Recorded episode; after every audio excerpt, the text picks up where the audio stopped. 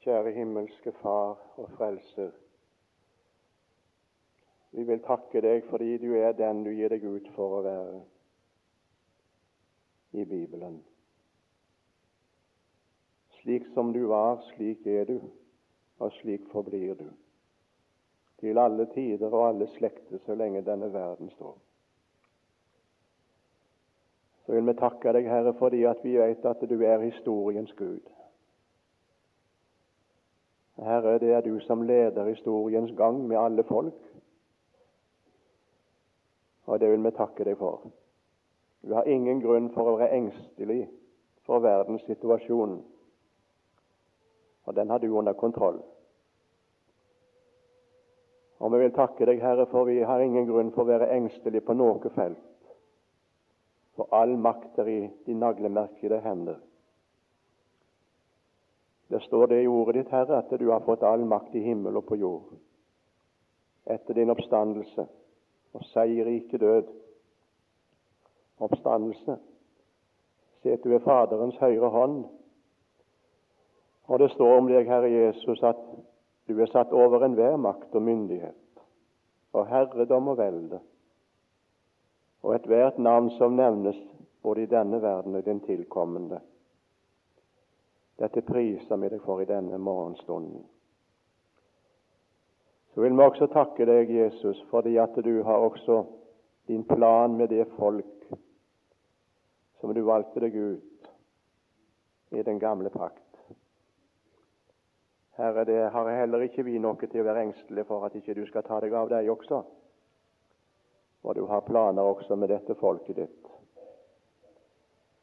Men Herre, det vi vil be om nå, det er det at du vil vise oss noe om din handling med dette folket, som kan få betydning for vår tro og for vårt liv i dag og framover.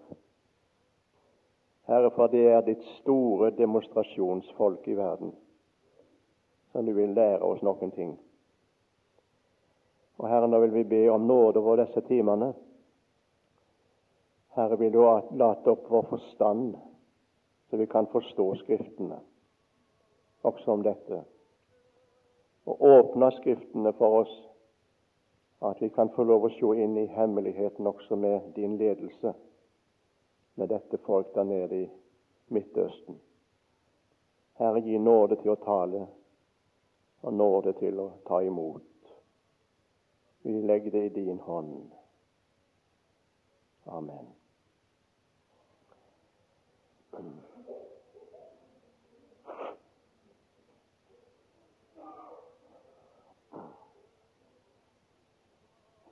Det er et stort emne vi har satt opp for disse fem bibeltimene. Så jeg skal prøve å holde her Israel i Bibelens lys. Og Det er ikke gjort på fem timer å tale om et sånt emne, det skjønner vi. Det tar vi lang tid med. Ehm, de andre som har bibeltime her, de har valgt å kalle det 'glimt fra' Jossuas bok og 'glimt fra hebreerbrevet'. Jeg syns det kanskje ble litt eh,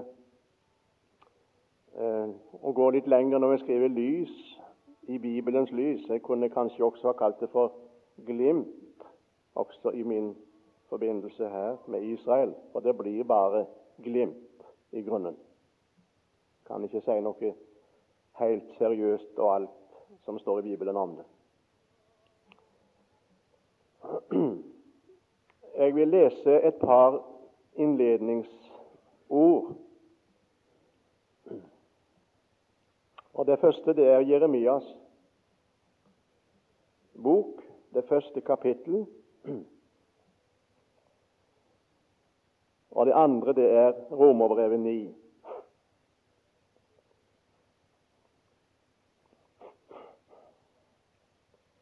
Jeremias kapittel 1, vers 11 og vers 12.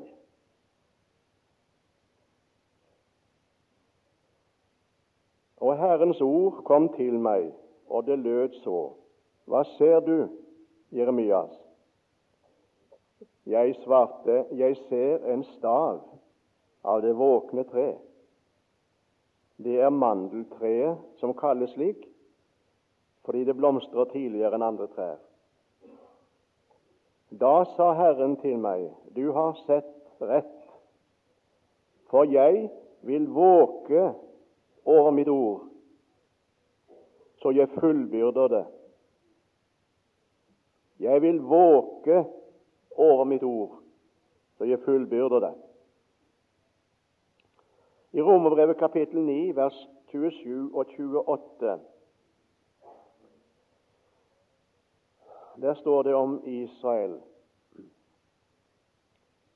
Og Esaias roper ut over Israel om tallet på Israels barn er som havets sand. Så skal bare levningen bli frelst. For sitt ord skal Herren utføre og hastig fullbyrde på jorden. Sitt ord skal Herren utføre og hastig fullbyrde på jorden. Du har gjerne hørt eh, det blir fortalt om den engelske konge. Det var vel kong Georg den tenker jeg. Som i sin tid hadde en kristen troende kammertjener. Og Av og til så likte han å stille kammertjeneren spørsmål om kristendom og kristen tro.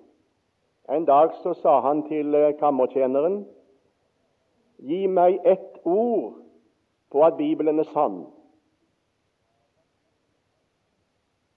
Og kammertjeneren svarte øyeblikkelig jødene, Deres Majestet.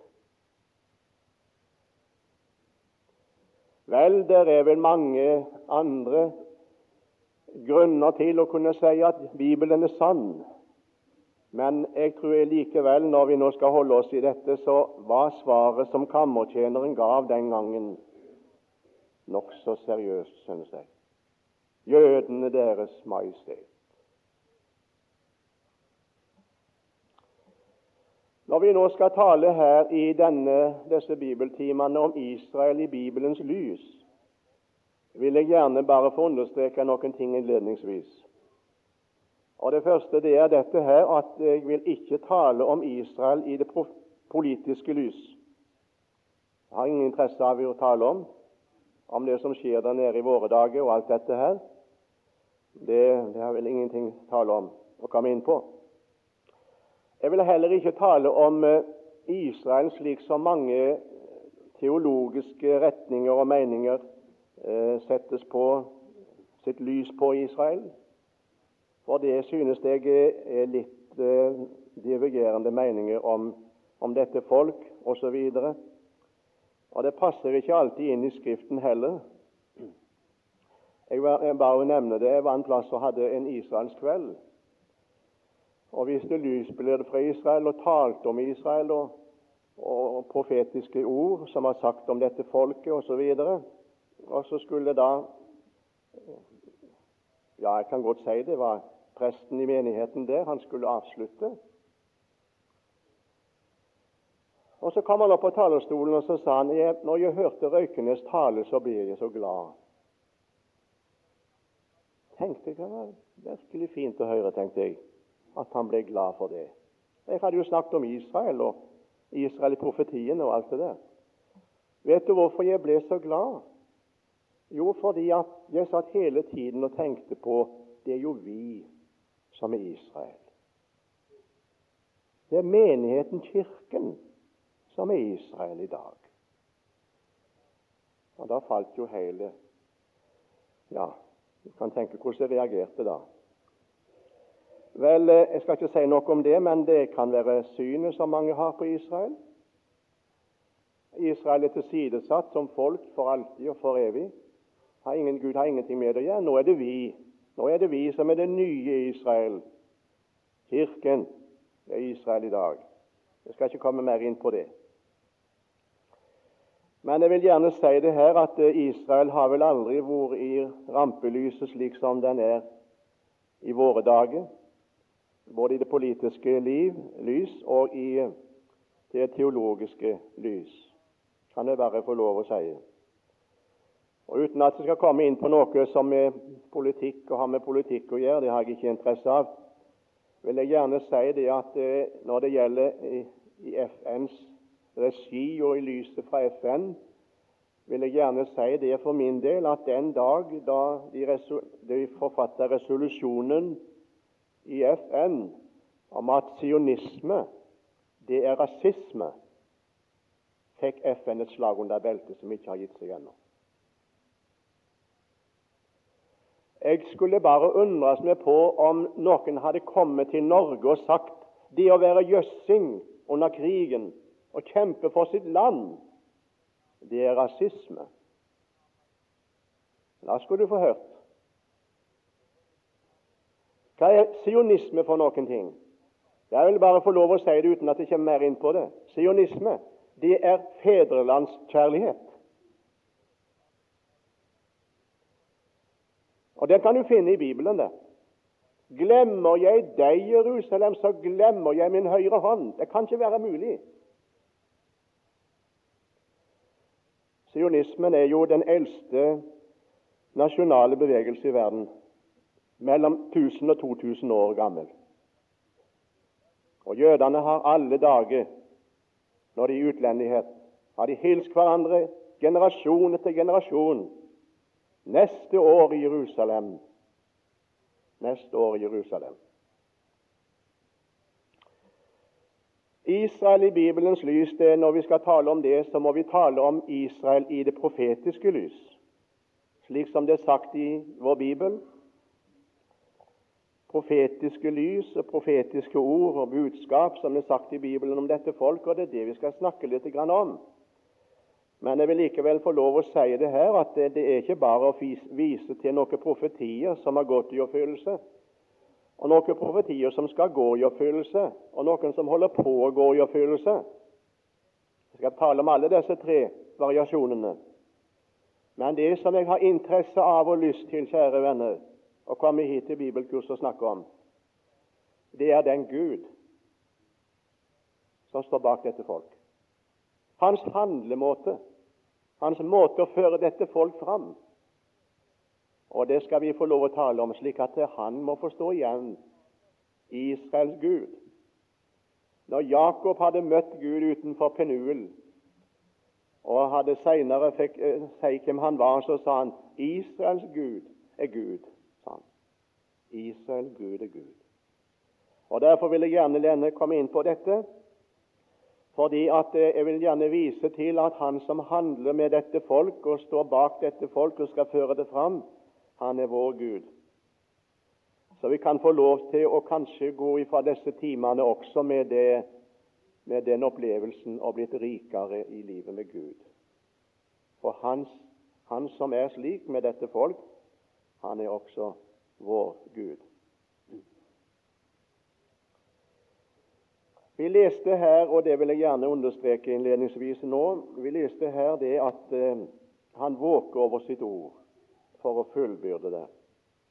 Jeg er veldig glad for det at eh, det som står skrevet i Bibelen, både om dette folk og ellers, det er Guds eget ord. Og Jeg vil gjerne si det, venner, at det er ikke en eneste ord som er sagt i denne boka her av profeter og apostler uten at det er Han som har gitt det. Han som har gitt det til å skrive det. Men ikke bare det. Det talte vi litt om i går kveld. Men det vil understreke det er det at han våker over det.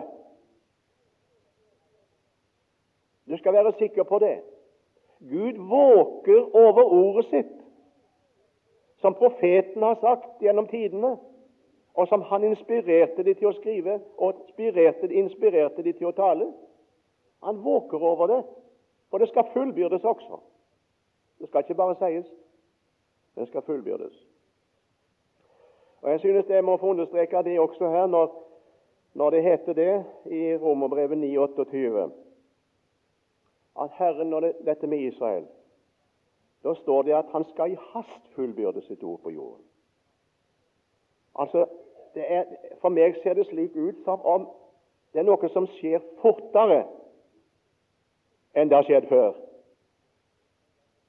Noe som skjer så. Vi må nesten stå og undre oss over kan det virkelig være mulig. Jeg tenker bare på én ting for å nevne dette med jødene. Det er ikke så mange år siden Jeg skal komme litt inn på det senere, kanskje. Det er ikke så mange år siden at uh, Jesu navn, hvis det ble nevnt Det var to jøder som møttes, og den ene nevnte Jesus. Så var det navnet så forhatt i Israel at da skulle den andre jøden spytte tre ganger på jorda av forakt. Så forarga og forhatt var dette navnet. I dag opplever vi ikke det. I dag opplever en det i Israel at det diskuteres som aldri før, fra høyeste hold og nedover. Jesus fra Nasaret. Hvem var det? Hvem var det? Og så svares det faktisk talt over hele linja. Og Det kan du diskutere og samtale med jøder om Israel i dag. Jesus fra Nasaret er vår mann. Han er vår mann. Og Jeg må gjerne si det at det har aldri hendt det som hendte for ikke så veldig lenge siden i en av de store synagogene i Jerusalem, der overrabbineren talte til mennene. Det er mennene som sitter i salen, vet du. Kvinnene sitter på galleriet. Og Der er litt av en diskriminering, du. Der skulle hun vært nede, hun der som er så veldig Ja, ja. Nå har du fått noe sagt. Så sa han Dere jødiske menn som sitter her, sa han. Før Jesus fra Nasaret tilbake til Erets Israel, altså fedrenes land Han er jo hedningene nå, men han er ikke hedningene sin mann bare. Han er vår mann før han tilbake. Og Her en dagen så leste jeg i et blad jeg skrev det opp, jeg syntes det var så gripende, der en ledende jødisk rabbiner hadde sagt i en uttalelse Hvis Messias, når han kommer, er den mann som de kristne har talt om med merker i sine hender, da skal vi ta imot ham.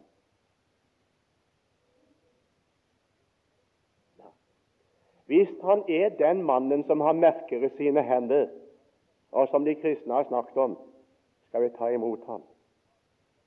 Og I min bibel står det det, og det skal vi komme litt inn på, nemlig der det står at de skal se opp til ham som de har gjennomstunget. En underlig dag. Det profetiske ord skaper historie når det oppfylles. Det har gjort det, og det vil komme til å gjøre det i kommende tider også.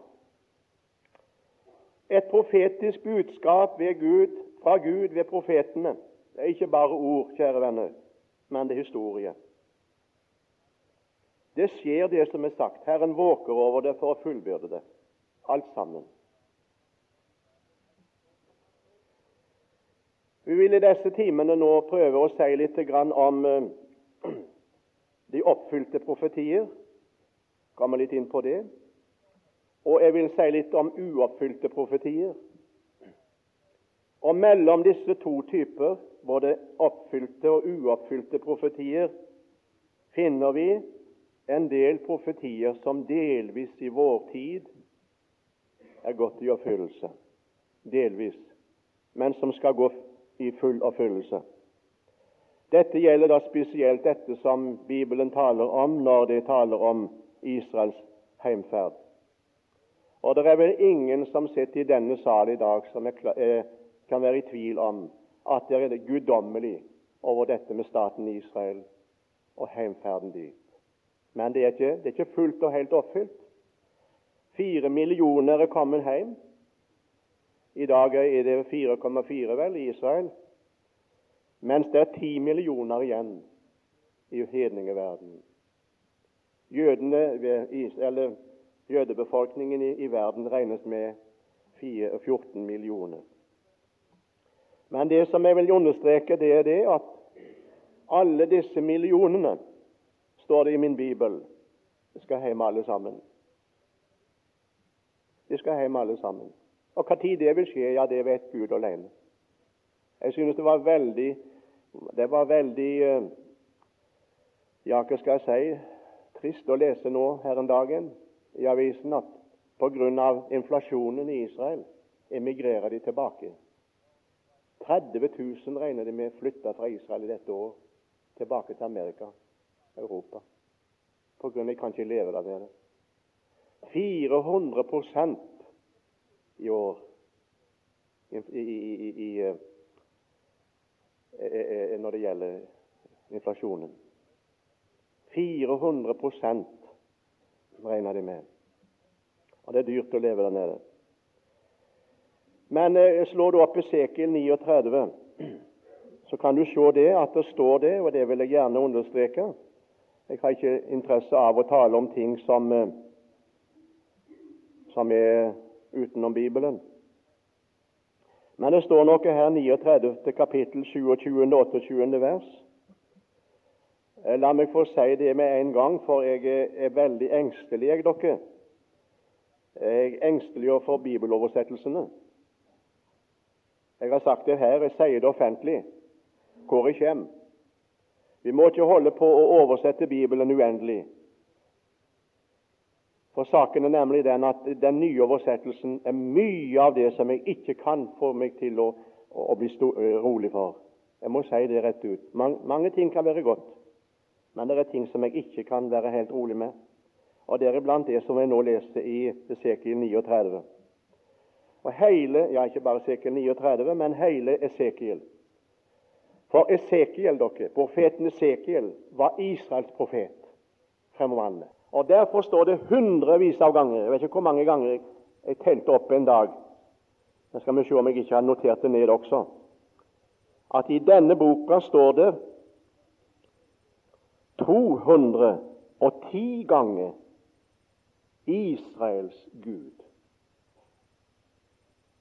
Israels Gud, Herren Israels Gud.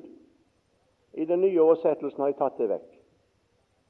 Det står ikke Israels Gud i hele tatt. Det står bare Herren. Ja, hvordan lyder det noen som har nye? Herren Gud. Og Jeg har spurt meg sjøl hvorfor kan ikke det stå Israels Gud, da? Når det er Israels profet. Det er Israel han taler om. Herren Israels Gud. Kapittel 39 står det slik, vers 27-28. Når jeg fører dem tilbake fra folkene og samler dem fra deres fienders land, og åpenbarer min hellighet for dem for mange folks øyne, da skal de kjenne at jeg er Herren deres Gud, fordi jeg har bortført dem til folkene men igjen samlet dem til deres land. Og så heter det, jeg vil understreke, og ikke la noen av dem bli igjen der. En dag så må Sovjet også slippe folket ut. En dag så må Amerika også, med sine mange millioner, flere millioner, seks millioner, ut. Vi skal tilbake til Israel. Tid det vil skje, ja, det vet alene Gud. Videre vil jeg få lov å nevne her at Israel det er i grunnen Bibelens land og Bibelens folk framfor alle andre folk og land i verden. Bibelen er blitt til i dette land og mottatt og nedskrevet av jøder. De historiske og profetiske bøker er gitt oss av dette folk. Likeså Salmenes bok og de andre poetiske bøker i Det gamle testamentet. Også evangeliene. Evangelistene var også jøder. Og Vi har mye å takke dette folket for, som gav oss boken. Ja, jeg vil også si det her at når du leser gjennom Det nye testamentet, ja, så er det jøder som har skrevet også det. Paulus, Peter, Johannes, Jakob Ja, jeg vil gjerne si det er Bibelens personer. Det er jøder. Det er Israel. Jo, Bibelens land og Bibelens folk, dere, det er, det er dette landet og dette folket. Bibelen er Israels folkets historiebok.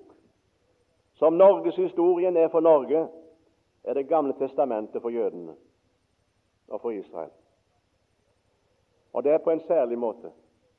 Ikke noe annet folk i denne verden har sin nasjonale og åndelige historie i Den hellige skrift. Det har jødene. Og jeg vil gjerne si Her kan de lese fra begynnelsen. Fra den første spede begynnelse til slutten. Hele historien framover står nedtegna i, i denne gamle bok. Her har de sin fortidshistorie fra Abraham og like til nytestamentlig tid. Her har vi fedrehistorien. Abraham, Isak og Jakob. Her kan de lese om kongene sine, kongesagaer, like fra kong Saul og David og Salomo og nedover. Både gode og vonde konger. Ja, Bibelens gamle testamente avslører for deg fortidshistorie. Men la meg også få lov å si det var sagt på forhånd, forutsagt. Jeg kan sjøl lese om det. Jeg skal komme litt inn på. Men det som er underlig også med dette folk, det er det at de kan også lese sin framtidshistorie i Den hellige skrift. Det kan ikke noe annet folk i denne verden. Mye av det som gjelder framtiden for Israel, er ennå uoppfylte profetier, og derfor ennå ikke historie. Men de vil skape historie når de blir oppfylte. Jeg tenker på åpenbaringen kapittel 7. Hører også framtiden til.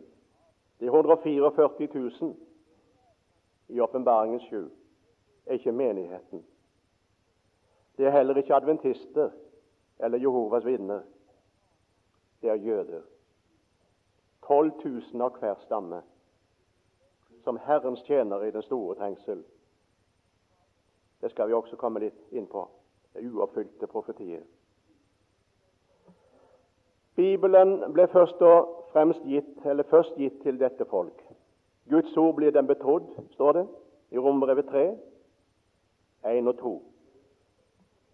Og I kapittel 9 i Romerbrevet, fra 1 til 5, vi kan slå opp det, så kan vi lese faktisk alt om disse fortrinn som jødene hadde.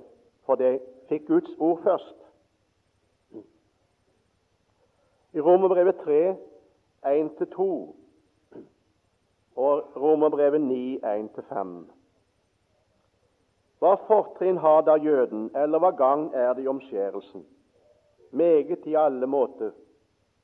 Først og fremst det at Guds ord blir dem betrodd. For hvorledes er det? Om somme var utro, skulle det da deres utroskap gjøre Guds troskap til intet? Ja, slik stiller apostelen spørsmålet. Men han sier det er mye fortrinn som jødene har. Men først og fremst, sier han i vers 2, det er det at Guds ord blir dem betrodd. Og i kapittel 9, vers 1-5, der står det veldig mye om Israels fortrinn. Jeg sier i sannhet i Kristus, jeg lyver ikke, min samvittighet vitner med meg i Den hellige ånd, at jeg har en stor sorg og en uavlatelig gremmelse i mitt hjerte. For jeg ville ønske at jeg selv var forbannet bort fra Kristus, for mine brødre, mine frender etter kjødet. Og så kommer fortrinnene.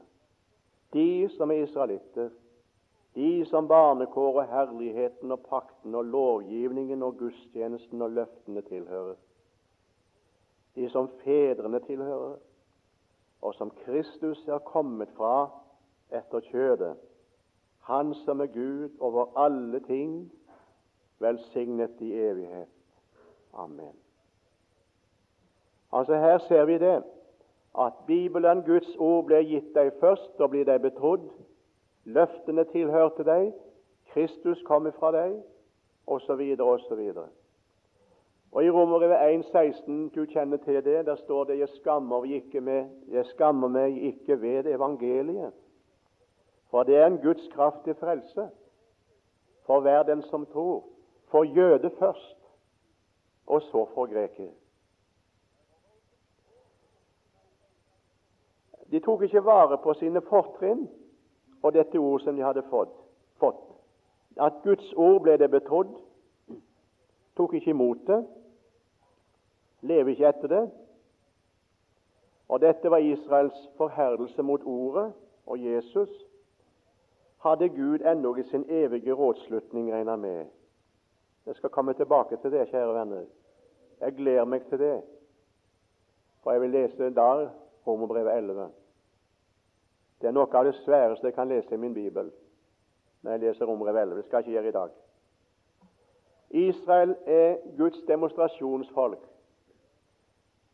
Han skal demonstrere og vil demonstrere for hele verden ved den handling han har med dette folket. Skal vi komme litt inn på. Nå Til slutt i denne timen her så vil jeg gjerne begynne å si litt om Israel i Bibelens lys. da. Og Da vil jeg gjerne si det første jeg vil sette lyset på. Det er selve navnet Israel. Bibelens lys på selve navnet Israel. Og navnet Israel, det betyr Guds kjempe. Guds kjempe. Det var Jakob, patriarken Jakob som først fikk dette navn. Og Senere ble folket kalt med dette navn, og landet kalt med dette navn. Jeg vil gjerne at vi skal lese her Eh, når Jakob fikk dette navnet. Bare ta det med her inne til slutt i timen. Første Mosebok 32. Jeg skal ikke hefte meg for lenge med det, men jeg vil gjerne ta det med. Første Mosebok 32, der, der finner vi noe veldig fint, synes jeg. Når eh, Jakob får navnet Israel Jakob eh, Unnskyld, dere som heter det. Jeg skal ikke ha noe slags vondt av det navnet, men det betyr jo bedrager. Det er fælt å måtte si det, men det betyr det. Eller uh, en annen navn også, og det er, uh, det er helgryper. Men, øh, men, men, men, Jakob han var, han, var han var, litt av en rev. Første Mosebok 32, vers 24. Jeg syns det er så fint, for nå har han vært ute. Nå han, er han på vei hjem og skal møte Esau. Og så har han hørt at nå kommer Esau imot han med en hel her osv. Og, og Jakob han er redd. Så setter han familien sin over elva, og så blir han tilbake, står det uten at jeg kan nevne mer om det. Vers 24. Så var Jakob alene tilbake. Da kom det en mann og kjempet med han inntil morgenen grydde. Og da mannen så, tenkte da mannen så at han ikke kunne rå med ham, rørte han ved hans hofteskål, og Jakobs hofteskål gikk av ledd mens han kjempet med ham. Og han sa, 'Slipp meg, for morgenen gryr.' Men han sa, 'Jeg slipper deg ikke.' Og nå er mannen i nød. Jeg slipper deg ikke uten du velsigner meg. Jakob hadde vært uten Guds velsignelse på den måte som han nå ber om. Han hadde fått budskap, han hadde fått familie og alt sammen. Men Guds velsignelse var ikke over hans liv på den måten som han nå ber om. Han hadde lurt seg til det. han hadde. Eh, da sa han til han, 'Hva er ditt navn?' Han svarte Jakob. Det lå noe i det. Luringen, bedrageren, Jakob. Han sa du skal ikke lenger hete Jakob, men Israel. For du har kjempet med Gud og med mennesker og vunnet.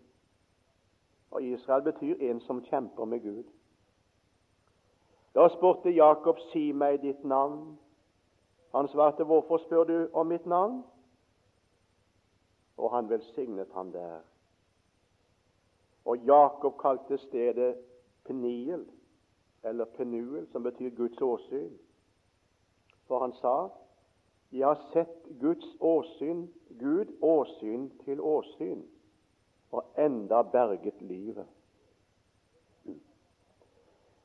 Jeg vil gjerne ta forsamlingen også med inn i Hoseas bok. For vi spør mange ganger kan det være mulig at Jakob kan, eh, når han fikk navnet Israel, at han kjempa med Gud og vant, at ikke engelen vant over ham, eller Gud vant over ham. Da har profeten Hoseas fått budskap fra Gud om hvordan det foregikk. Og Det må jeg få lov å nevne til slutt. Hoseas 12. Profeten Hoseas står fremdeles i Det gamle testamentet før profeten Joel. Kapittel 12 hos Hoseas. Og Jeg synes jeg må få lov å sitere dette. De har i grunnen ikke med Israel som folk å gjøre, dette, og land, men eh, med navnet. Han kjempa med Gud og vant. Og slik må vi få lov å sitere det. Vers 4 står det om Jakob. I mors liv holdt han sin bror i hælen. Og i sin manndomskraft kjempet han med Gud. Og så skal du høre hva det står. Han kjempet med engelen og vant. Han gråt og ba han om nåde. Forstår du det? I Betel møtte han ham, og der talte han med oss. Når en person gråter for Guds åsyn og ber om nåde, vinner han over Gud. Forstår du det? Da må Gud velsigne. Han kan ikke annet. Jakob kjempa med engelen og vant fordi han gråt for Guds åsyn og ba om nåde. Og kunne det bli noe ut av dette, kjære venner? Kunne det bli slik at noen her på dette bibelkurs ville oppleve å gjøre det? Gråte for Herrens åsyn og komme i den situasjonen som Jakob, så skulle han også velsigne i dag. For det er de som venner med Gud, det er de som vinner over Gud, for å si det på den måte, som eh, ber om nåde.